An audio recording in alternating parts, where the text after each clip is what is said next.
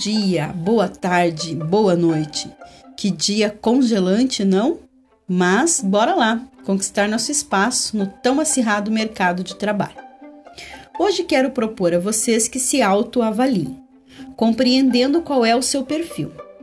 De acordo com a neurolinguística, possuímos sistemas representacionais. E o que é isso? É o nosso perfil, nosso modo de aprender, compreender, de se expressar e a forma como enviamos nossa mensagem e de como a recebemos. Compreender o como nos ajudará a obter melhores resultados em nossa trajetória profissional. Vamos lá? Perfil auditivo é aquele que gosta de ouvir as pessoas, apresenta um amplo vocabulário e se expressa com objetividade e gesticulam muito.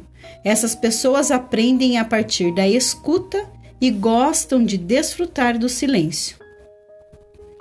Perfil visual é uma pessoa que usa da visão como maneira de conseguir informações, identificando as coisas por meio de imagens.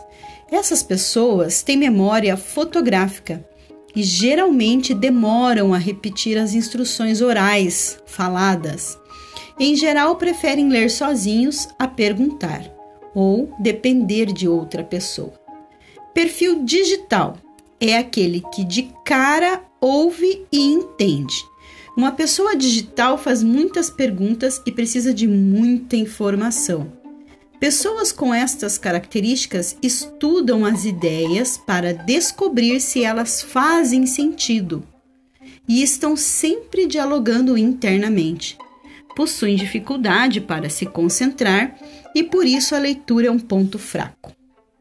Perfil sinestésico é aquele que sente, que gosta de abraçar, dançar e sentir as pessoas. Se identificam e percebem as coisas por meio de contato do corpo e da experimentação.